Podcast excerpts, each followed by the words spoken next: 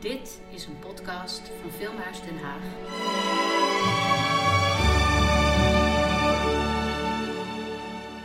Dit is een podcast over de geschiedenis van de filmmuziek.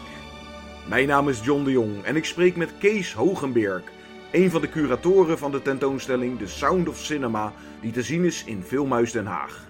In de laatste aflevering van deze reeks de jaren 70 en 80. Oké Kees, tot slot van deze reeks. De jaren 70 en 80. Symfonica versus synthesizer.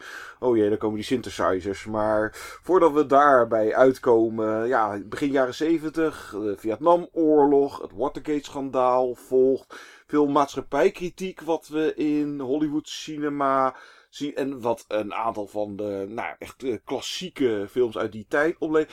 Maar je kan er niet zeggen dat die films bekend zijn vanwege hun filmmuziek. Want als er iets in zat, was het een beetje ja, saaie of weinig klassieke scores of zo. Saai, saai zou ik het zeker niet noemen. Nee. Maar het is wel zo dat er van die muziek weinig is overgebleven. Nu overigens op CD wel. Maar in de jaren 70. Nee, laten we teruggaan naar de maatschappij. We hebben in de jaren 60 die opstand gehad van de Mhm. jeugd. En die heeft ook in feite gewonnen. Het oude systeem moest afbreken. Maar de kritiek blijft. En dat gaat vloeiend over in de jaren 70. En eh, voor de filmindustrie betekent dat dat er heel veel onafhankelijke producenten komen. We hadden in de jaren 60 gezien dat eh, onafhankelijke studio's al allerlei motorfilms en allerlei exploitation movies gingen maken. Met eh, rockmuziek erin, hè, Easy Rider, dat soort dingen. En die formule blijkt te werken. Als je maar gewoon iets hebt wat het publiek aanspreekt.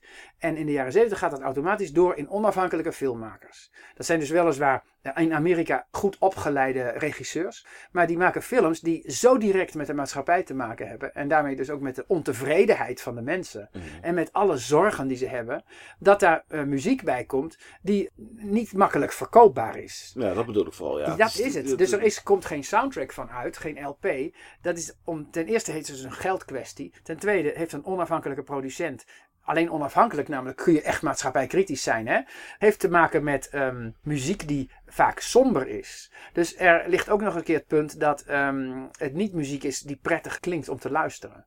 Maar er zijn heel, heel veel films gemaakt in die jaren zeventig die zo sterk zijn dat ze mede dankzij de muziek daar iets aan toevoegen. Denk aan All the President's Men bijvoorbeeld en aan The Parallax View en aan Clute. Allemaal films waarin die maatschappij wordt bekritiseerd en eh, waar nieuwe componisten in zitten. Die een soort atonale muziek, die gaan echt maar heel modernistisch te werk. Mm. Dus in, fe- in feite vind ik het heel erg knap. En dat kun je des te beter horen als je nu de film op DVD hebt. Of eh, op de CD eindelijk. eh, hè, de, de tapes die zijn teruggevonden en er is geld voor. Dus ze gaan het mooi uitbrengen. Ineens dat- kun je horen dat het wel degelijk heel erg goed is. Ja, dat soort complotfilms. Dat als ik nu dan bijvoorbeeld even denk, nou, All the President's Men, een van de bekendste over het Watergate-schandaal. Maar als je mij zou zeggen, er zit geen filmmuziek in, dan geloof ik je ook. Maar, ja, ja, ja. ja. Omdat, het, omdat de nadruk op de plot ligt. Maar eh, die zitten dus wel. De- Michael Small is zo'n componist. Die eh, ook steeds eh, samenwerkt met diezelfde soort regisseurs. Met Alan J. Pakula bijvoorbeeld. Dus er wordt heel veel gedaan in dat genre. En eh, bovendien, het zijn films die ook essentieel zijn. All the President's Men krijgt dan ook eh, veel aandacht nadat president Nixon in 1973 is afgetreden. Eh, je zei het ook al, de Vietnamoorlog wil maar niet eindigen. Mm. En ook dat is een erfenis die, die men kwijt wil. Overal in de maatschappij ontstaat van alles eh, wat aangekaart kan worden. Kijk, we hebben natuurlijk wel de, voor de, de voorbeelden van de regisseurs eh, en de combinaties met componisten waar het wel werkt. En daar wordt dan ook een plaat van uitgebracht. Dus we hebben daar mooie voorbeelden van proberen te vinden. Dan weet je dat zo'n maatschappijkritische film ook muziek nodig heeft. Die bijvoorbeeld de kijker meevoert of die de argwaan versterkt. Ja, en in het geval van bijvoorbeeld dus Chinatown, eh, Jerry Goldsmith. Maar dat komt omdat het gesitueerd is in, eh, wat was het, de jaren, de jaren 20. 20. Ja. Dus dat, Net als met die, met die oorlogsfilms, hè, de theorie dat een, eh, Hollywood maakt nooit een, trouwens de hele wereld, je maakt nooit een film over de oorlog die net bezig is, maar over de Zelfde, vorige ja, oorlog. En dan begrijpt iedereen waar het over gaat. Nou, Chinatown is een schitterende, eh, complexe film van Ro- Roman Polanski, die in de jaren twintig is gesitueerd en die gaat over corruptie in het overheidssysteem, het opkopen van land en het weglaten van het water en het verdrogen van dit of dat. Eén grote manipulatie. En daartussendoor zit een, zit een schitterend verhaal geweven van een detective die dat moet opzoeken en die achter hele grote geheimen komt. Dus Polanski weet wat hij wil vertellen en iedereen begrijpt meteen dat het eigenlijk over het Amerika van nu gaat. Inclusief grote problemen.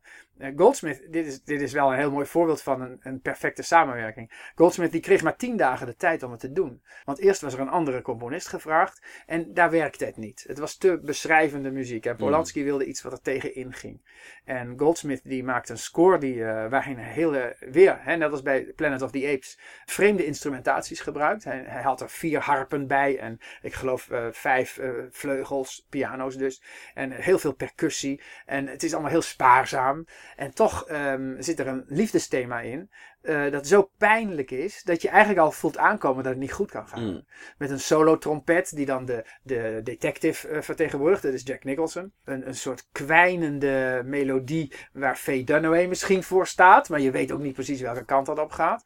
Dus uh, daar zie je nou zo'n film die vertegenwoordigt een eigen detective verhaal. Je zou het ook als zodanig kunnen zien. Maar in de, in de onderstroom zit er zoveel meer onder.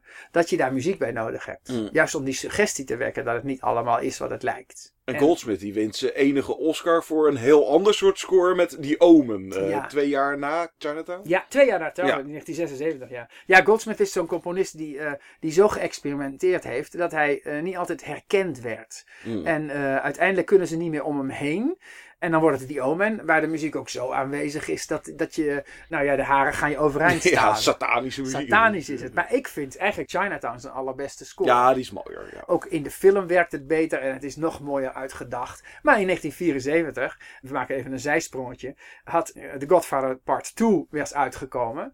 En vond men kennelijk dat Nino Rota nu de Oscar uh, verdiende, die hij eigenlijk uh, voor The Godfather deel 1 in 1972 had moeten hebben. Maar eh, voor het themaatje in The Godfather deel 1 uh, had hij een muziekje gebruikt wat hij in 1956 uit, de, uit zijn eigen film Fortunella heeft gehaald. Mm. En daar kwamen ze pas later achter. Het is een Italiaanse film Fortunella en daar zit een melodietje in dat hij als een soort marsje door het hele dingetje heen weeft.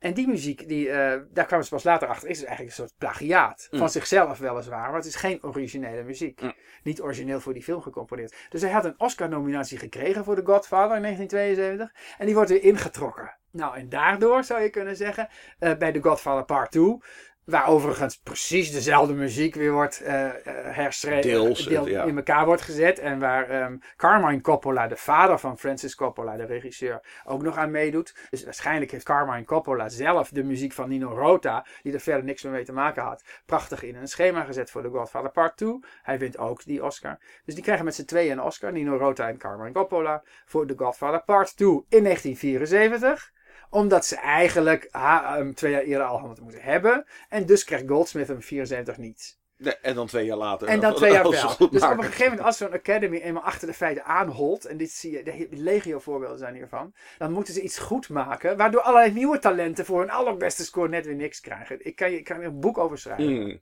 Dus dat is inderdaad een nadeel. Wat die Rota betreft ehm, hebben we recentelijk ook weer een, een, prachtig probleem. Want in The Godfather, kijk, het, het liedje ehm, Speak Softly Love, dat komt uit Fortunella.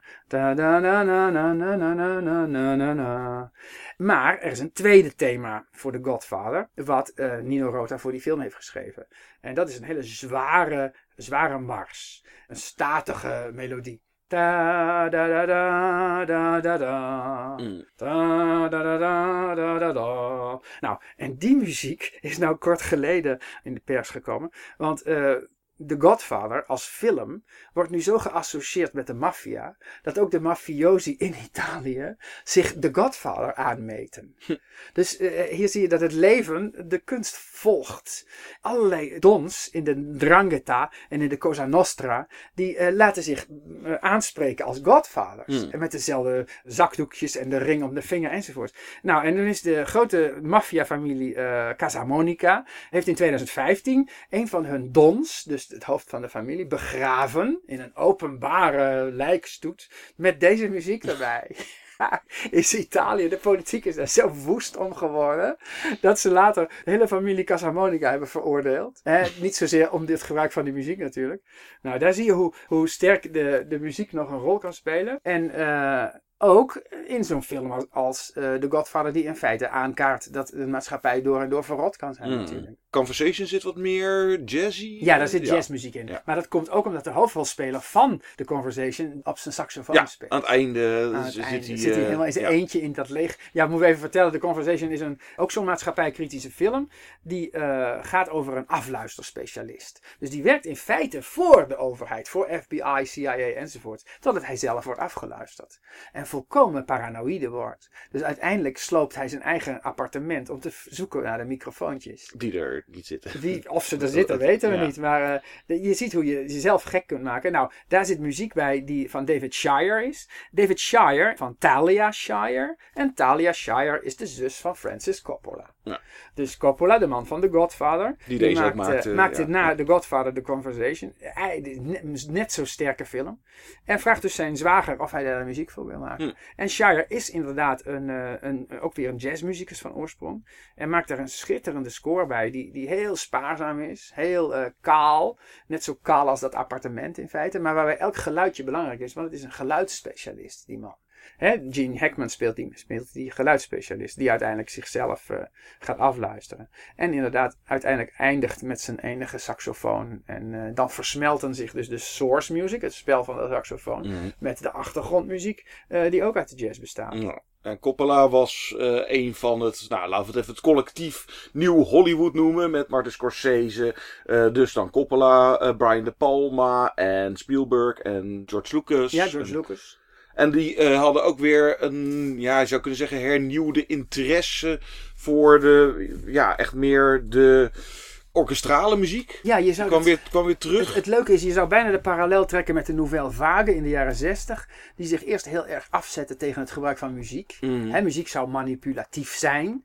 En eh, dan ontdekt eh, dat muziek juist een hele grote waarde kan hebben. Als je hem goed weet te gebruiken. En dat doen die, eh, die movie brats, zoals ze zichzelf noemen. Mhm. eh, doen dat ook. Dus, dus die zitten allemaal in een clubje, die bekijken mekaars films. Kennen vooral de geschiedenis van de film. In dit geval niet alleen de Europese film, maar ook de Hollywood film. Zij halen in feite die John Ford en die Alfred Hitchcock ook weer terug. Ja. Denk maar aan Brian De Palma, die allemaal films maakte die... Die was gewoon constant Hitchcock aan het remaken. Aan het remaken, maar dan met zijn eigen twist. Nou, ze noemen zich New Hollywood, want hun tactiek is, dit keer breken wij niet, zoals de Fransen van de Nouvelle Vague zou je kunnen zeggen, met de cinema die we hebben. We gebruiken dezelfde middelen, we gebruiken zelfs het distributiesysteem van die studio's, zodat de films wel worden gezien en we ook weten dat ze gefinancierd worden, maar met onze eigen handschrift. En we Mm. doen dat alleen als het mag volgens onze eigen normen. Nou, en daar horen die componisten bij. En dat is, dat is een gelukszaal, dat is heel mooi uitgepakt. Martin Scorsese bijvoorbeeld, die werkt met Bernard Herrmann. En Herrmann is de componist van Alfred Hitchcock. Voor Taxi Driver vraagt hij Bernard Herrmann om de muziek te maken. Eh, Herrmann is ook zo iemand die met eh, ruzie uit Amerika is vertrokken. Die op dat moment in Londen werkt. Uh, maakte met iedereen ruzie trouwens, dus het ligt ook een beetje aan het karakter. Mm. En eh, het leuk vindt, het prachtig vindt om weer terug te komen. Want dat had Brian De Palma, dus een van de movie brats die met eh, Scorsese in dat clubje zit, ook al gedaan. Hij had voor Brian De Palma had hij Obsession gemaakt en Sisters. Twee van die films die een beetje vertigo-achtig zijn. En eh, waarin De Palma zijn liefde voor Hitchcock liet zien. En dus met dezelfde componist wilde Ja, samenwerken. dan kom je daarop uit. Ja. Dat is logisch. En, en omdat Herman dat deed, hij kreeg zelfs voor Obsession weer een Oscar-nominatie, wat hij 50 jaar niet gehad had. Mm. Kwam dus Scorsese, ze, bieden, ze, ze bevelen elkaar ook aan van nou, we deden dat. eh, kwam bij Taxi Driver terecht. En Taxi Driver is weer zo beroemd geworden, omdat daar eh, Robert De Niro voor de spiegel staat van Are you talking to me? I'm the one I'm talking to. Dat staat namelijk op die plaat. Mm. Dus daar zie je ineens de waarde van een soundtrack. En ik ben ervan overtuigd dat dat komt dankzij die plaat. Er was in 1976 nog geen video wijd verspreid. En als je een film nog een keer wilde bekijken, dan zou je hoogstens kunnen huren. Of je moet, hem, je moet naar de cinematheek of zo. Maar dat begon, was nog allemaal in ontwikkeling. Hè? Dus eh, dat kan alleen maar via de LP zijn gekomen. Waar Scorsese tussen de muziek van Bernard Herrmann stukjes dialoog heeft gezet uit de film. En die hele scène voor de spiegel, waarbij hij zijn pistool trekt om te oefenen, dat hij straks de hele straat wil schoonvegen, weet je wel, van alle scum die er rondloopt, waar Bernard Herrmann dan hele mooie, dreigende, jazzy-achtige muziek onder zit, staat op de plaat. En, en dit is zo'n voorbeeld van een, een hele geslaagde soundtrack. Waarvan ik denk dus dat die iconische scène van Are You Talking To Me, dat overal wordt nagedaan Mm. immers, Dat kun je alleen maar als je die LP hebt gekocht. En gewoon eindeloos die track hebt beluisterd. Ja, en dat was de Taxi Driver de laatste score van Ja, Herman, Taxi? Driver, dat heeft natuurlijk een prachtig tragisch einde. Ja. Eh, Bernard Herrmann dacht, ik ben binnen, prachtig. En, en, en zijn muziek is ook heel bijzonder in die film. Maar eh, in de laatste opnamedag, hij heeft de hele eh, score uitgeschreven met het orkest. En het is eh, gespeeld. Ehm, de tapes zijn, zijn klaar. En zit hij in de taxi op weg naar huis. Het is kerstavond ook nog. Het, is een boek. Eh, en dan sterft hij in de taxi. Dus hij heeft zelf nooit meegemaakt eh, dat, eh, dat zijn score zo klassiek werd. Hij kreeg er zelfs een Oscar-nominatie voor. Mm. Ja, dit maakt het verhaal van Chinatown nog, nog mooier. Want dat was in 1976. Dus eh, in 1976 kreeg ehm, Herman twee Oscar-nominaties. Voor Obsession en voor Taxi Driver. En toen won En toen won Goldsmith. Jerry omdat- Goldsmith voor ja. The Omen. Omdat hij in 1974 was overgeslagen. Zie je, het balletje blijft maar rollen. Ja. Nou, en je hebt nog meer mannen in, in dat clubje zitten. Want dan kom je bijvoorbeeld bij eh, Spielberg terecht. En eh, Spielberg werkt samen met eh, John Williams. Omdat hij die ook gewoon aanbevolen krijgt. De eerste die ze doen is... ehm, Jaws is dat de eerste? Nee? Jaws is de tweede. De Sugarland De Express. Sugarland Express is de eerste waar hij alleen maar een harmonica muziekje Mm. gebruikt. Door Toets Tielemans gespeeld Mm. trouwens. Dus eh, daarvan wil ik altijd nog een keer dat er iets uitkomt. Op, op, maar op verschillende cd's staat alleen maar dat ene trackje. Terwijl dat een van de, een, de weinige John Williams scores is die niet op LP is uitgebracht. Ook omdat het natuurlijk een proef was. Zowel van Spielberg, zijn eerste film. Zijn eerste bioscoopfilm. Hè. Duel was een tv-film in feite. Mhm. En de eerste keer met Williams. Maar het, ze voelen elkaar zo goed aan. Dat ze nu al 28 keer, meen ik, hebben samengewerkt. Ja. En steeds maar door blijven gaan. En, en als jij eh, documentaires ziet op de dvd's bijvoorbeeld, die bij die films verschijnen, die gaan over Spielberg met Williams. Dan zegt hij ook, eh, mijn allerbelangrijkste bij, eh, medewerker is Williams. Hmm. Hij is nog beter dan ik, zegt hij. Ja. Ik kan niet zonder Williams. Nee, Jaws werkt niet zonder de muziek Nee. van, van Williams. En dat, daar heb je weer het, het prachtige samenwerken tussen twee mensen die elkaar zo kennen dat ze aan een half woord genoeg hebben. En dat de hele psychologie van de film in de muziek kan zitten. In 1977 maken ze Close Encounters of the Third Kind. Wat, wat eigenlijk vind ik een, een nog betere, ja hoe kun je het zeggen?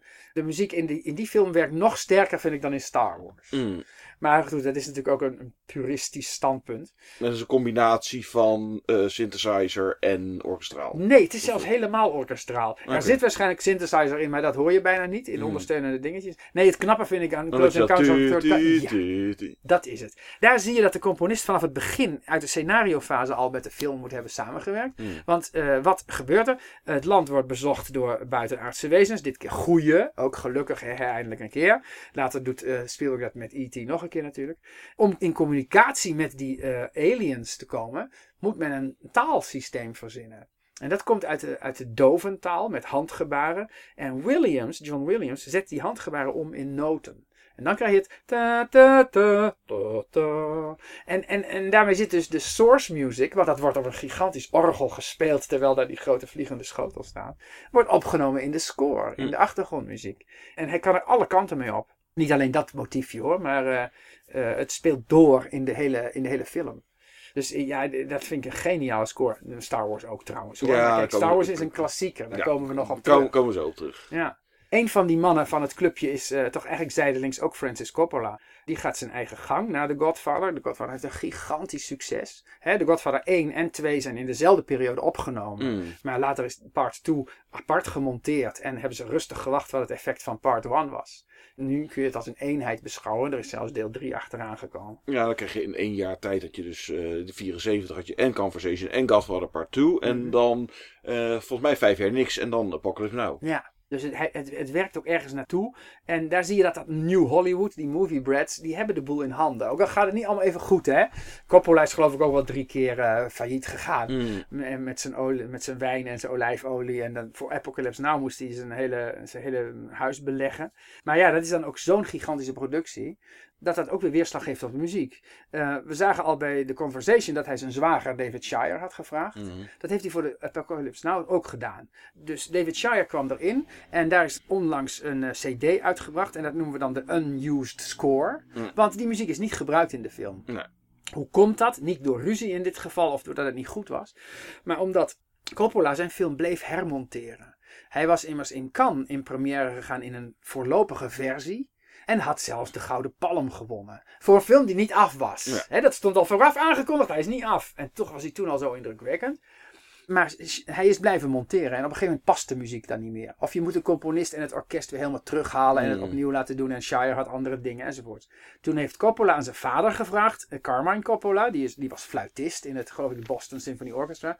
Dus dat is echt een getrainde muzikus, om de muziek te maken. En wat hebben ze toen bedacht? We gooien de synthesizer erin. De synthesizer die in die tijd natuurlijk nog niet in, eh, hè, het is de Vietnamoorlog die nu wordt besproken Mhm. ehm, nog niet eh, in zwang was. Maar die perfect aansluit op het eh, totale wezenloze karakter van, van de reis door de jungle. Want daar gaat Apocalypse Now over. Hè? De- Martin Sheen krijgt de opdracht om een of andere gek geworden kolonel in de jungle, ver in Cambodja, uit te schakelen. En moet met een bootje de Mekong-rivier op. Ik, ik weet niet, honderden kilometers. Maar daar kom je dus continu door oorlogsgebied. Want die Amerikanen zaten nog steeds in Vietnam. En de film wordt daarmee zo'n zo'n horror. dat is ook het woord waarmee Marlon Brando de film afsluit. Mm. Dat, het een soort, dat je, wordt inge, je wordt die jungle ingezogen. En dat doet vooral die muziek. En het, het mooie vind ik van Apocalypse Now dat het een synthesizer is die klinkt als een synthesizer. Die hoeft zich ook niet te verhullen als iets anders. Hij hoeft geen orkest na te doen, hè, wat allemaal uit dat toverdoosje zou kunnen komen. Het is een synthesizer en met die vage soundscapes, zouden we ze nu noemen, Mhm. geeft het precies de geestelijke gesteldheid aan van zowel de crew op dat bootje als Martin Sheen, die, die denkt ik ben aan een hopeloze missie bezig, maar daar pas later achter komt. En dan zitten we dus nog op het metaniveau in diezelfde tijd. De Vietnamoorlog is nog, wil maar niet eindigen. Hè? Juist Nee. Apocalypse nou uit 1979. Maar toen Dus was die wel over. Was die vier jaar Eh, over. ja. Dus dat is de eerste voorbeeld, zou je kunnen zeggen, van een oorlogsfilm die gaat over de meest recente oorlog. Hmm. Maar tot die tijd had Amerika zich in die golf van protest en maatschappijkritiek en Watergate en alles wat corrupt was, ook op de, op de oorlog gestort. Dus er komt een hele golf van anti-oorlogsfilms. Voorafgaand aan Apocalypse nou was dat de Deer Hunter. Ja. En dat, die, die, die sloeg ook in als een bom. Want er zaten zulke gruwelijke dingen in, zoals die Russische roulette, waartoe eh, Amerikaanse GI's die in krijgsgevangenschap zaten, werden gedwongen, dat het een geweldige indruk maakte. En het is dan zelfs nog een, een hard, het wordt er steeds harder. Hè? In 1970 had, had ehm, eh, Robert Altman eh MASH gemaakt. Dat was meer een, een, een bittere komedie. En die Mm. ging nog over Korea. Ja. Weet je? Terwijl we allemaal wisten dat het over Vietnam ging. Ja, Maar de Vietnamoorlog li- liep van 1965 tot 1975 en die werd maar niet beëindigd. Dus het aantal protesten nam maar toe op straat. Hè? Ze, ze zijn, eh, de Amerikanen zijn echt gedwongen om eh, onder Ford, de opvolger van Richard Nixon, om er een einde aan te maken. Het, is echt wel weer vergelijkbaar met Afghanistan en zo Ja. van nu. Die oorlogsfilm wordt dus een anti-oorlogsfilm. En dat past weer precies in dat plaatje van de jaren zeventig, waarin we nu zeggen dat er eh, briljante films zijn gemaakt. Maar ik, ik ging naar de middelbare school in de jaren zeventig. En was me daarvan helemaal niet bewust. Maar Hm. elke film die ik zag in de bioscoop was gewoon goed. Ja. Pas later besef je dat dat een unicum is. Dat het in de jaren 80, 90 of 0 of 10. Nee, nee, er zijn veel films die. eh, Daar ga je heen, ja, want iedereen praat erover, het is lekker en zo. Mm. Maar zijn ze, zijn ze echt goed? Neem je iets mee naar huis? Mm. Nee, nou, de, in de jaren 70 dus wel. En dat komt door die culminatie van maatschappij, van problemen, van wat zich maar opstapelt. Mm. En dat wordt weer vertaald in film en dus in muziek. ja. Maar dan had Apocalypse Now, eh, zeker voor een oorlogsfilm, een atypische score door het Ja. gebruik van synthesizer. Ja, maar dat maakt het En ook zo is dat een beetje de, de voorbode van het gebruik van synthesizer? Dit is dan nog een positief eh, voorbeeld. Maar de jaren tachtig was natuurlijk... Nou, dan heb je het over de synthesizer eh, muziek. en de ene keer wel goed en de andere keer niet. Mhm. Ja, je hebt gelijk. Apocalypse Now is een voorbeeld, maar de synthesizer bestond al wel. Alleen zat die natuurlijk vooral in de popmuziek. Mm. En eh, wat er in die revolutie van Apocalypse Now gebeurde. De film was een groot succes, ondanks al. Die heeft ook heel veel gekost natuurlijk. eh, dat toen ineens eh, hetzelfde optrad als wat we in de jaren 60 hebben gezien bij de producenten. Mm. Die dachten: oh, wacht even, we kunnen besparen op een heel symfonieorkest en een componist. Wanneer we een rockmuzikus vragen. En zelfs een stap daarna, ach, we vegen gewoon allemaal popnummertjes bij elkaar en die proppen we in een film en we hebben helemaal geen score meer nodig. En dat gebeurde dus in de jaren 70 ook door het eh, gebruik van de synthesizer. Want uit de synthesizer kon je alles halen. Mm. En het is daardoor eh, in de tweede helft van de jaren 70, jaren 80 vooral, een, een trend geworden om eh, de synthesizer gewoon maar overal bij te stoppen. Ja, ik, ik kijk daar nu met een, met een bittere, na, nou ja, een vies smaakje naar. Maar dat is ook mijn smaak Ja, natuurlijk. ook geen fan van de... Nee, weet je wat het, wat het nadeel van de synthesizer is? Vangelis bijvoorbeeld, de Griek, die wint een Oscar notabene voor Chariots of Fire. Mm. Als je die film nu terugziet, gebruikt hij zijn synthesizer. Hij was bekend als New Age componist. Ja. Hè? Dus eh, als popmuzikus Mm. was hij heel goed met die synthesizer. Maar als je dat bij een film uit de jaren 20, 30 stopt, Ja. en daar gaat het over, denk je oké, in het ritme past het wel. Want hij maakt een soort wobbelig-achtig eh, tempo. En die jongens die zijn de hele tijd aan het trainen. Chariots of Fire gaat om eh, atleten die moeten hardlopen. En die dat voor de Olympische Spelen willen gaan doen. Dat kan. Maar Vangelis heeft dan weer niet het talent. Het is ook een van zijn allereerste scores. Om die synthesizer achterwege te laten. Wanneer het om hele indringende psychologische momenten gaat Ja. bijvoorbeeld. Dus, dus hij, hij zet diezelfde synthesizer in bij een liefdesscène. Of bij een scène waarin ze in de kleedkamer allemaal zenuwachtig zitten te wachten. En de synthesizer is dan zo eh, spannend en druk aanwezig elektronisch. Dat je denkt, nou hier, hier gaat iets verschrikkelijks gebeuren. Nee. En wat gebeurt er? Nee, helemaal niks. Ze gaan gewoon de baan op en ze gaan hardlopen. Ja. Dus het, het past ook niet. Nee, dan past het wel bij eh, Blade Runner. Ja, Blade Runner we een wel- nou, je Science je? fiction, ja. Dus, dus naar mijn idee is filmmuziek wel degelijk. Het, is, het blijft natuurlijk altijd een dienende kunst. En eh, je kunt er hele gekke dingen mee uithalen. Maar het moet in de tijd passen. Laten we het zo zeggen. Het moet je niet als kijker uit de film trekken. Want dan eh, streeft de regisseur zijn doel voorbij. Dan Mm. moet je er even weer helemaal inkomen. Blade Runner wel natuurlijk. Dat speelt in de toekomst. En eh, dan is ook nog weer het mooie. Daar zit ook weer een dubbele laag in. Dan Vangelis intussen zijn lesje heeft geleerd. Dus die vermengt daar synthesizer met orkest. Mm. En de orkestrale scènes zijn het sterkste. Ja. Want daarin komt ineens het gevoel naar boven. Hè, eh, Rutger Hauer speelt zo'n androïde die eh, op een gegeven moment denkt, eh, leef ik wel, ben ik een mens? En die een soort nostalgie krijgt naar een verleden dat hij niet heeft. Ja. Maar dat in hem in zijn hoofd is geprogrammeerd. En daar zit, uitgerekend daar zit hele zachte, bijna jazzy-achtige eh, sfeermuziek in, die van het New American Orchestra komt. Dus, dus het is een amalgaam van elektronica die verwijst naar de toekomst. Ook heel goed bespeeld door Vangelis. Met orkest voor de inhoud, voor wat er in die hoofden omgaat. En zo vindt ook Vangelis langzaam zijn, route naar eh, het maken van filmmuziek. Waar bijvoorbeeld iemand als Giorgio Moroder naar mijn smaak nooit gelukt is. Mm. Want die, die, die is de, eigenlijk een popproducent. Hè? Hij werkt met Donna Summer samen. Hij komt uit Italië. Waar ook de Italo-pop toen enorm opkwam. En dat was allemaal jaren 80 synthesizer. Hij wordt voor Midnight Express gevraagd. Dat is een drama. Het is een, eh, drama over een jonge Amerikaan die in Turkije terechtkomt. En eh, om In de bak, an- in ja. de bak Ja. terechtkomt omdat hij wordt beschuldigd van drugssmokkel. En daar ook uit moet zien te komen, want hij weet dat hij dat niet overleeft. We hebben hetzelfde vorig jaar gezien in Thailand met, met Nederlanders die daar in de cel eh, blijven vastzitten en langzaam verteren. Ja, Moroder doet wat hij eh, altijd doet. Dat is het punt. Dus eh, je kunt de soundtrack van Midnight Express beluisteren alsof het een eh, instrumentaal, dat wel, dan niet gezongen, een soort modieuze popscore is uit de jaren 80.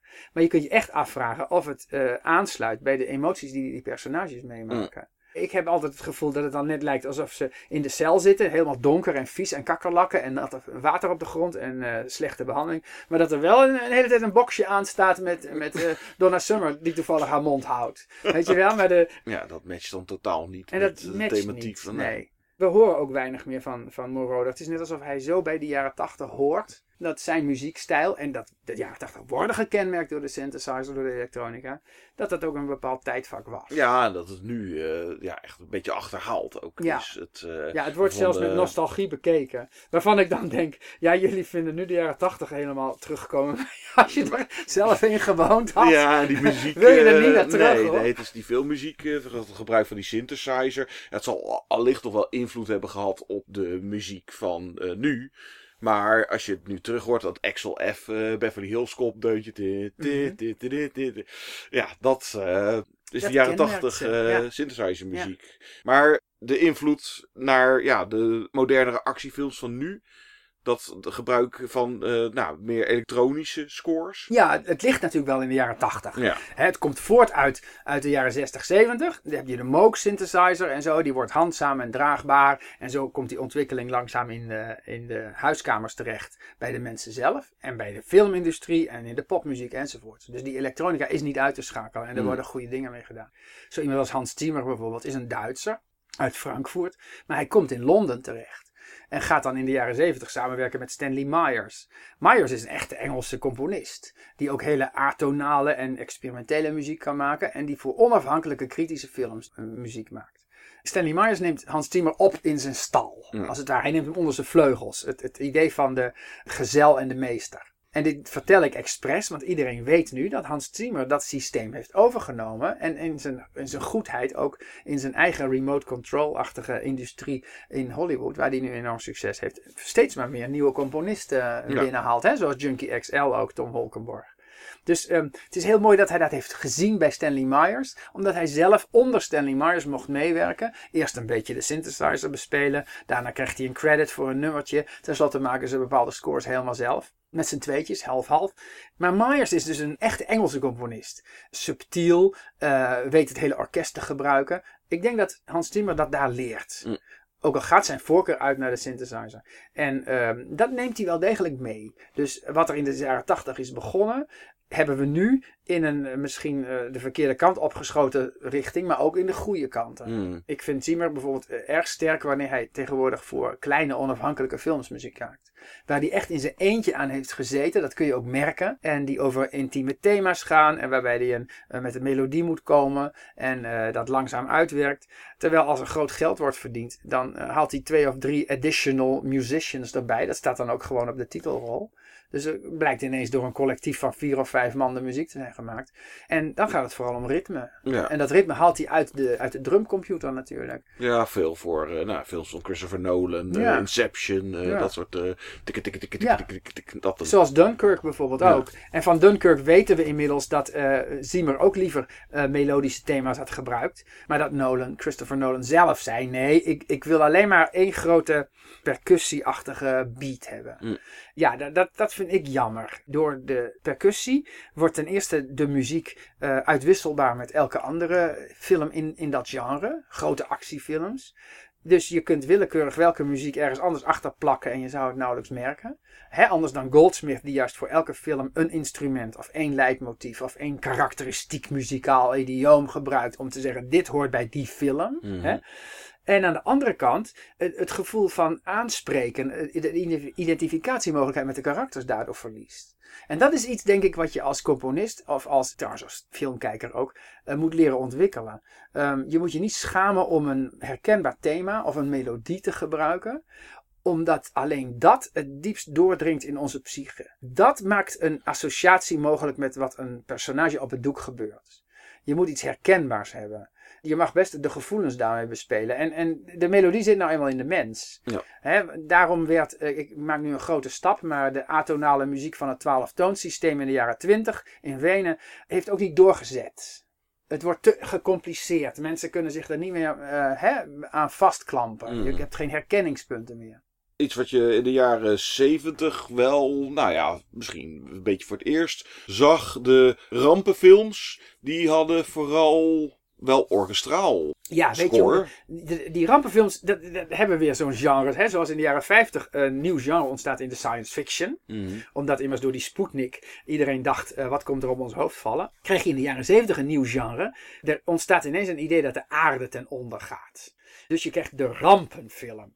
En wat is er nou fijner bij een rampenfilm dan lekker in een stoel te zitten en allerlei vreselijks te zien gebeuren, waarna je dan daarna weer gelukkig heel huids eh, de zaal eh, kunt verlaten en naar huis kunt gaan. Dus het wordt een heel eh, genre op zich. Een hele keten van rampenfilms achter elkaar. Complete torens die in de fik vliegen. Maar er hoort ook een monsterfilm bij. Dus rampen en monsters gaan samen Mm. met hele grote octopussen. En met bij, bijenzwermen bijvoorbeeld. Nou, die rampenfilm begint in 1970 al. Dat heet Airport. Airport heeft ook een hele serie vervolgen gehad. Met telkens een jaartal erachter. Airport 75, Airport 77 enzovoort. Met allemaal hele, vooral oudere eh, grote sterren Ja. van weleer. Ja. Die Nou, dan, ja. Daar heb je de kern van de rampenfilm. Er moeten dus allemaal mensen doodgaan. Met wie je wel kort een soort sympathie hebt opgebouwd. Die affiches zijn ook altijd prachtig. Want je ziet de ramp centraal. En dan alle fotootjes van alle, alle sterren. In kleine plaatjes eronder. Irwin Allen is de grote uitvinder daarvan. Die maakte al op televisie in de jaren 60 sil- films als The Time Tunnel. Mm. En zo. En eh, iets onder, Beyond onder de zee. En dat soort dingen. Allemaal vreselijke ongelukken. Die gaat door in de speelfilm. Hij kent daar trouwens John Williams van. Mm. van de tv. En uh, vraagt John Williams ook voor Earthquake en voor de Poseidon Adventure. Uh, eventjes terug naar Airport. Je hebt dus een ramp. En uh, daar zitten veel herkenbare sterren in. Want het verhaal is zo dat er met veel mensen iets gebeurt. Dus je moet ze als kijker meteen herkennen.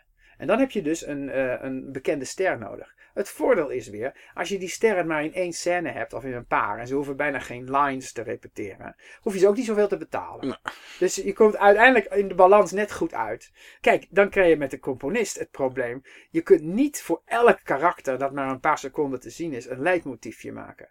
En dus gaan ze zich concentreren op de oorzaak van de ramp. Of op de situatie, de plaats waar het plaats heeft. Hè? Dus uh, bijvoorbeeld uh, Airport gaat over een uh, vliegveld dat ingesneeuwd raakt. Er komt geloof ik ook nog een vliegtuig aan waar iets mis kan gaan. En iedereen zit maar in die grote lounge te wachten. Nou, dus maakt Alfred Newman, de grote Alfred Newman, de man die we al uit de jaren 30 kennen van het 20th Century Fox fanfare. Die maakt daar lounge muziek bij. Hele lekkere, niks aan de hand muziek. Terwijl we allemaal weten dat het uh, helemaal fout kan gaan. Dat heet contrapunt. Mm. Dus hij maakt expres hele kalmerende muziek.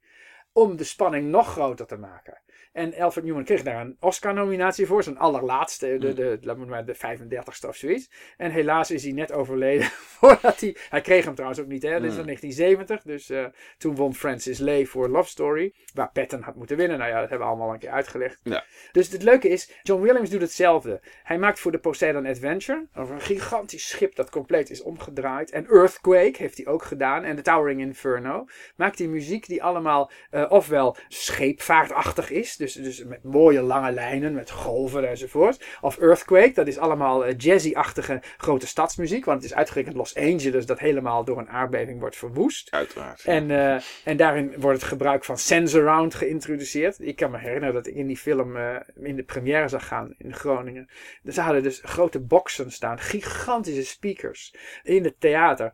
En je voelde de trillingen door je heen gaan op het moment dat de aardbeving uitbrak. Dat was Sensorround. Dus uh, sense is gevoel, trillingen overal om je heen. Ja, wat je nu met uh, Dolby uh, ja. ook wel... of of zet het volume gewoon hard genoeg, dat trilt de bioscoop Dat trilt het sowieso. Ja, ja en, en, maar zijn muziek, dat, daar houdt hij dus goed rekening mee. Mm. Hij weet dat. En, en Los Angeles wordt vooral geschilderd als een stad waarin heel veel vertier was. En, en er waren wat mensen die aan het motorrijden waren. En er waren allerlei losse verhaaltjes. Dus, dus daar hoort allemaal luchtige, um, zonnige, Californische um, orkestrale muziek bij. Hè?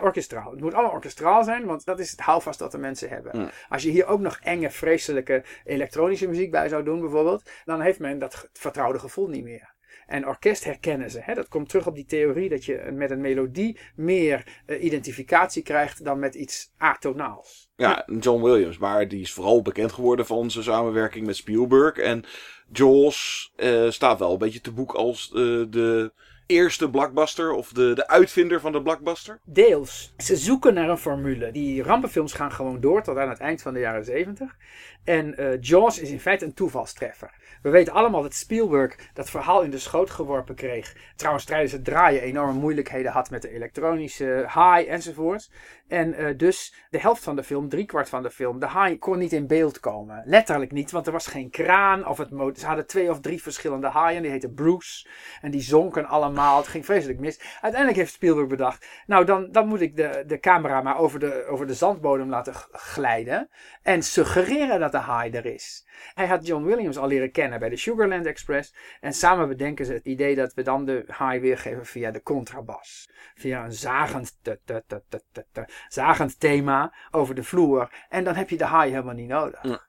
Maar het is dus het is een gigantisch succes geworden, maar het was nog niet opgezet als blockbuster.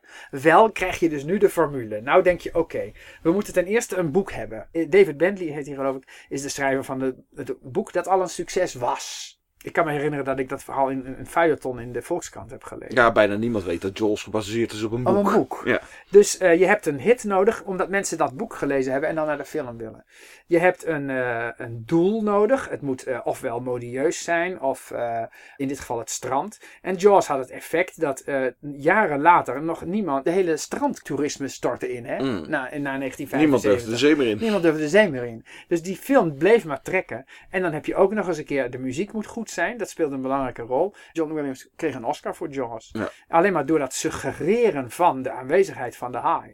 En uiteindelijk krijg je die, die blockbuster-formule. Kijk, het geldt dus alleen als blockbuster-formule als het vooraf bedacht is. Mm. Eh, Jaws was wel een enorme klapper. Heeft dus de meeste winst gemaakt ooit. Maar dat is toeval, laten we het zo zeggen. Het wordt pas ehm, echt een formule wanneer ze van tevoren gaan bedenken: oké, we halen bijvoorbeeld de Bee Gees erbij, want die waren de topgroep van dan. We hebben een jonge acteur nodig die, eh, die opvalt, dat werd John Travolta.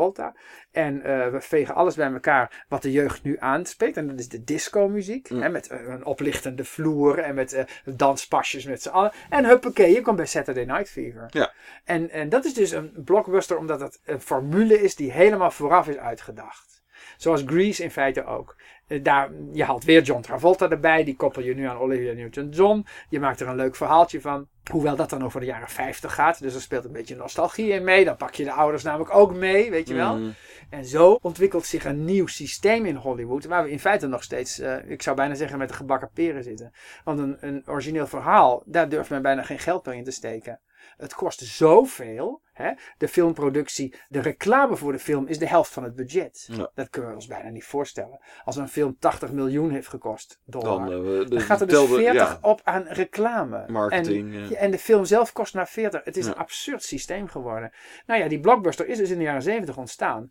Ook omdat eh, vanwege die maatschappij kritische films en eh, de aandacht die naar onafhankelijke cineasten ging, de studio's zagen dat ze het pleit begonnen te verliezen. Mm. En dan krijg je dus problemen, want eh, je kunt wel met monsters gooien zoals Alien. Die trekken ook geld aan. Maar ze hebben liever iets wat, wat zekerheid biedt. En dan heb je dus een formule die ontwikkeld wordt. Die vooraf allemaal uitgedacht is. Ja, was, was Star Wars ook zo? Nee, ook nog steeds niet. Nee. Superman wel. Star Wars is uit 77, eh, Superman uit 78.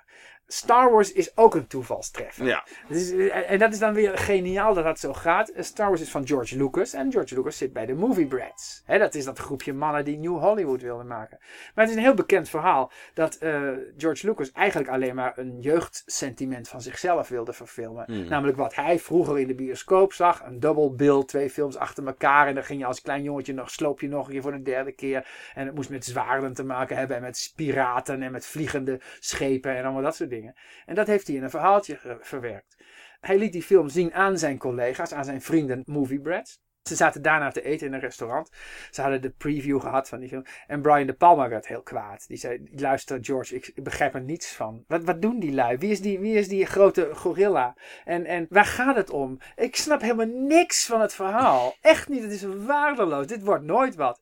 Weet je, je, je hebt gewoon een, een prelude nodig. Je, hebt, je moet eerst maar eens gewoon een soort tekstbordje hebben waar je uitlegt, nou we zijn hier en daar. Het is lang geleden, maar dit gebeurt er. En je hebt wat rebellen en je hebt een keizerrijk en zus en zo. En dan begint het. Dus dat heeft Brian De Palma bedacht. Mm. En George Lucas maakt daar die gele letters van. Die beginnen met in a galaxy far, far away. En dat die letters langzaam zo de ruimte inschieten. Het is totaal klassiek geworden. Met dan de iconische muziek van Williams erbij. En daar hoort dus die muziek als een handschoen bij. Mm. Waar, waar, waar weer hetzelfde in zit. En daarom is dus die film en die plaat en de merchandising één groot succes geworden. Williams, John Williams weer. Die dus van vrienden wist. Hè, van Spielberg gaat hij naar George Lucas. Die kennen elkaar ook allemaal onderling. Dus eh, Spielberg had gezegd: je moet John Williams nemen. Ja. En eh, Williams zei: Oké, wat wil je dan? Nou, iets wat teruggrijpt. Iets wat eh, klassiek is. Wat zo bekend is en zo warm. Dat we aan de muziek kunnen vasthouden. Wanneer we dingen zien op allerlei planeten. Met wapens die we niet begrijpen. En, en samenzweringen. Dat de mensen naar de muziek kunnen teruggrijpen. Om te zeggen: Ah, kijk, nou weet ik het weer. Hier krijg ik een warm gevoel bij. En John Williams, de cirkel is rond, die grijpt terug op Erich Wolfgang Korngold. En die hebben we in de jaren 30, hebben we die uit Midden-Europa naar Amerika zien komen. Die heeft het leidmotiefsysteem geïntroduceerd, wat hij weer kende van de opera's van Wagner. En eh, waarin Korngold in zijn muziek bijvoorbeeld voor eh, piratenfilms zoals The Seahawk en The Adventures of Robin Hood over Robin Hood, allemaal mensen in een verband brachten door een eigen muziekje te geven. Telkens als het muziekje optreedt, denk je, oh ja, dat hoort hierbij. En die muziekjes zijn allemaal weer ge- geschreven in de aard van die persoon of die situatie. En Williams doet precies hetzelfde. Sterker nog, hij citeert Erich Wolfgang Korngold, namelijk uit eh, de Korngold film eh, King's Row. Mm. En hij neemt de eerste noten van eh Korngolds hoofdthema van King's Row. En die zijn het begin van de muziek van Star. Zo wordt Star Wars dus een hommage aan het verleden in feite. Want je zou zelfs kunnen zeggen dat Star Wars geen science fiction film is. Het is inmiddels allemaal al gebeurd. Ja. Maar door de, de lichtjaren afstand hebben we geen flauw idee wat er om ons heen allemaal nog meer gebeurt. Ja, en hij maakt dan hiermee met deze muziek dus een ode aan een van de oude meesters. Mhm. Maar je zou kunnen zeggen dat voor ja, zeker de jongere generaties, of voor de meeste mensen, denk ik, de filmmuziek, of de, de filmmuziekkennis, begint een beetje bij Star Wars. Ja, nou, en dat vind ik eigenlijk ja. ook helemaal niet erg. Nee. Want het is een prachtig punt om te beginnen. Ik denk zelfs dat de jeugd niet beter weet dan dat de Fox-fanfare, dus eh, trrr, trrr, trrr, trrr, trrr, en dan komt langzaam tadam, het, het eh, 20th Century Fox eruit, dat dat door John Williams is gecomponeerd. Wat helemaal niet zo is, want dat is weer van Alfred Newman.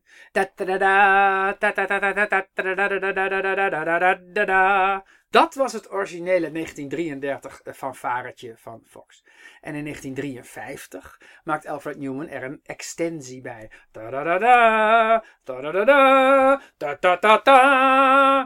Dus dan heb je de Fox fanfare plus extensie. In 1953 kwam die erbij omdat eh, Fox cinemascope films ging Mhm. maken. Dus het stukje moest een beetje langer worden. Het monument, zoals we het noemen, dat zijn die gebeeldhouwde letters met 20th Century Fox. Die moesten ook wat verlengd worden enzovoort. Die fanfare in de extensievorm was eh, al 15 jaar niet meer gebruikt door Fox. En George Lucas zei: Ik wil die terug hebben. De film is van producent Fox, dus dat mag. En toen heeft John Williams zijn eigen begin van zijn ouverture heeft hij aan laten sluiten in B groot op het einde van de fanfare van Alfred Newman. Ja. Nou, ik, ik wil er geen gif op innemen van de mensen die denken dat eh, dat allemaal bij de ouverture van Williams hoort. Die denken dat John Williams dit hele ding heeft gecomponeerd. Mm. Vanaf, de, vanaf de eerste fanfare met de letters die door die schijnwerpers worden beschenen. Dat maakt dus nog eens een keer. Het is weer een dubbele laag in, in het Mm. hele verhaal. Er is een klassieker geschapen, kun je zeggen. En het, het zijn maar weinig mensen gegeven die het meemaken dat er een nieuwe mythe ontstaat, zou je kunnen zeggen. Een mythe van negen films van Star Wars. Hè, denk, The Lord of the Rings bestond al in, in boekvorm immers Ja. van Tolkien. En eh, de Bijbel bestaat ook al.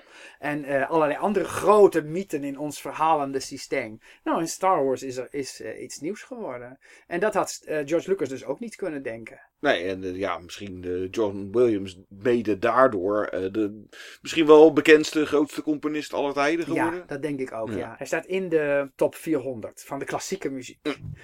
dus ook daarin is zijn score, wat in feite filmmuziek is, komt in de, in de klassieke zenders voor. Dat is inmiddels klassieke muziek geworden, ja. Ja, en dan krijg je natuurlijk nou, Indiana Jones en noem E.T. Hij deed ook Superman. Ja, er komt, het heeft ook nog een prachtige bijvangst. Eh, in feite deed George Lucas een enorme gok door het eh, zo groot aan te kleden dat hij dacht, ik ga er ook een symfonieorkest weer bij halen. Mm. We hadden immers de tijd van de synthesizer gehad. En we hadden voor die rampenfilms weliswaar akoestische muziek, maar dat waren kleine eh, muziekensembles.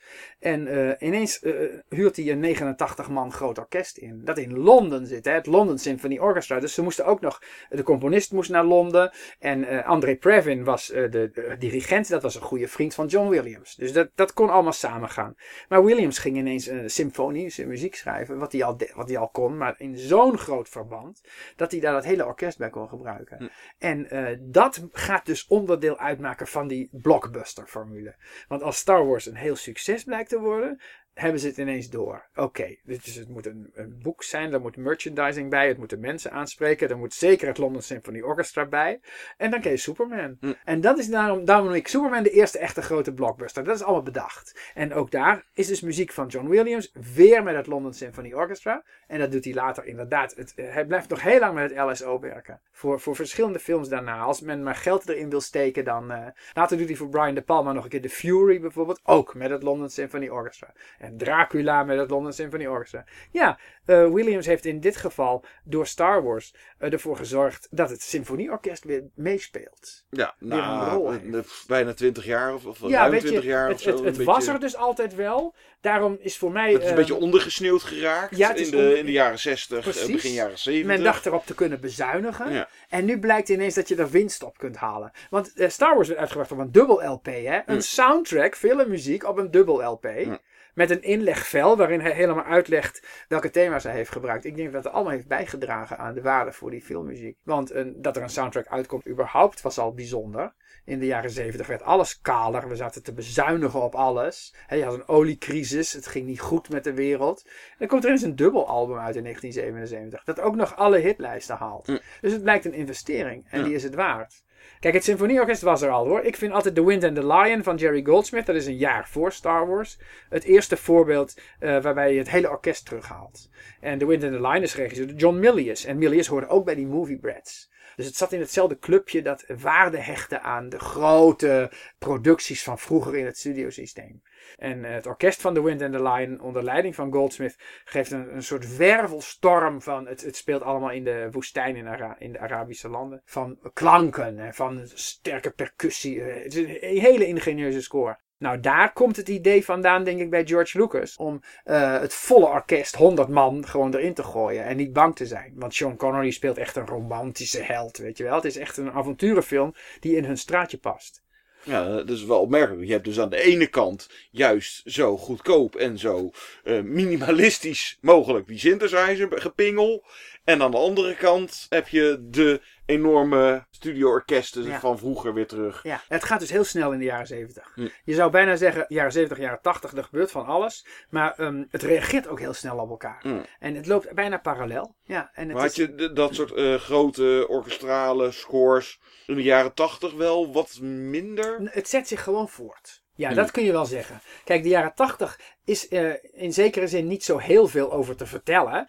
Omdat uh, Hollywood uh, de formules van de blockbuster doorzet. En weet dat je veel moet investeren om veel terug te krijgen. Dus allerlei grote films uit de jaren 80, denk maar aan Out of Africa, ik noem maar wat. Waar John Barry, hè, de mm. James Bond componist, schitterende score bij maakt. Die ook gewoon orkestraal is. Ja. Hè, en grote producties zoals Gandhi van Richard Attenborough. Waar George Fenton samen met Ravi Shankar, het gaat over het leven van Gandhi. Gigantische productie. Mm. En mhm. ondanks die kolossale actie ook nog heel indrukwekkend, heel ontroerend. Dat komt onder andere door die muziek. Fenton is een Engelsman die dus het Britse Empire weergeeft. En Ravi Shankar het Indiaanse van, van Gandhi zelf verweeft dat een prachtige ding is in 1984 geloof ik. Dus dat gaat gewoon door. Daarnaast heb je dan parallel, ja, die synthesizer in de jaren 80. En die loopt door totdat in feite, ja, tot nu zou je kunnen zeggen. Men heeft gelukkig beide wegen kunnen vinden en ook ontdekt dat het elkaar niet hoeft uit te sluiten, zo zou je het kunnen zeggen. En om dan weer even Amerika uit te gaan. En de rest van de wereld, of in ieder geval hier in Europa, werd er wat meer geëxperimenteerd, denk ik, met veel muziek. Ja, kijk, uh, Europeanen zijn toch altijd een beetje vrijer in de toepassing van mm. de muziek. En inmiddels kun je ook zeggen in de jaren 70 en 80 dat uh, de filmproductie nu in de hele wereld op hetzelfde niveau ligt. He, je hoeft niet meer te bezuinigen, uh, er hoeft niet een continent zich eerst aan de wederopbouw te, te wijden enzovoort. Dus die productie die neemt gewoon toe. En het grote verschil met Amerika is dat in Europa relaties tussen regisseurs en componisten erg op waarde worden gezet. Dat weten ze in Amerika ook wel hoor, mm. maar daar gaat het geld, dat speelt als eerste een rol. Hè? Ja. In Europa heb je bijvoorbeeld uh, de Fransen die liefst met dezelfde componisten werken en dus tot veel intiemere drama's kunnen komen. Het hoeft niet zozeer om actie te gaan of om het benadrukken van allerlei uh, grote gebeurtenissen in beeld, maar om uh, relaties. Ik weet nog dat wij op, op school eigenlijk niet naar Franse films gingen, want er werd alleen maar in gediscussieerd. Ja, van die babbelfilms. Van die babbelfilms. En toch konden ze ook hele integere drama's maken. En, en natuurlijk de Franse policier is heel beroemd uit mm. die tijd. Films als, als uh, met Jean-Paul Belmondo, die net is overleden, en Alain Delon, uh, die allemaal die eenzame inspecteur of de eenzame boef uh, spelen. Daar zit ook allemaal goede muziek bij. Dus de Fransen kunnen dat. En de Italianen en de Duitsers. Dus dat begint zich overal te ontwikkelen. En in Nederland? Ja, Nederland niet, nee. er zal uiteraard wel veel muziek. Uh, er is veel muziek, maar het beroerde is aan Nederland, vind ik, dat Nederland is de, de cinema, zeker in, uh, aan het eind van de vorige eeuw, nog steeds kermisvermaak. Mm. Het wordt niet als kunst gezien, over het algemeen dan. In de kranten worden alleen maar onafhankelijke films uit Bangladesh besproken. Alles wat uit Nederland komt is niet goed. Terwijl daar die jongens en meisjes ook gewoon van de filmacademie komen en proberen een zo, zo hecht mogelijk en goed verteld verhaal over te brengen. We zitten natuurlijk wel met geldprobleem altijd en met techniek. Twintig jaar lang zijn de Nederlandse films onverstaanbaar geweest. Omdat gewoon de opname niet goed was. Mm. Dat werd ook gewoon, eh, die klacht werd gedeeld.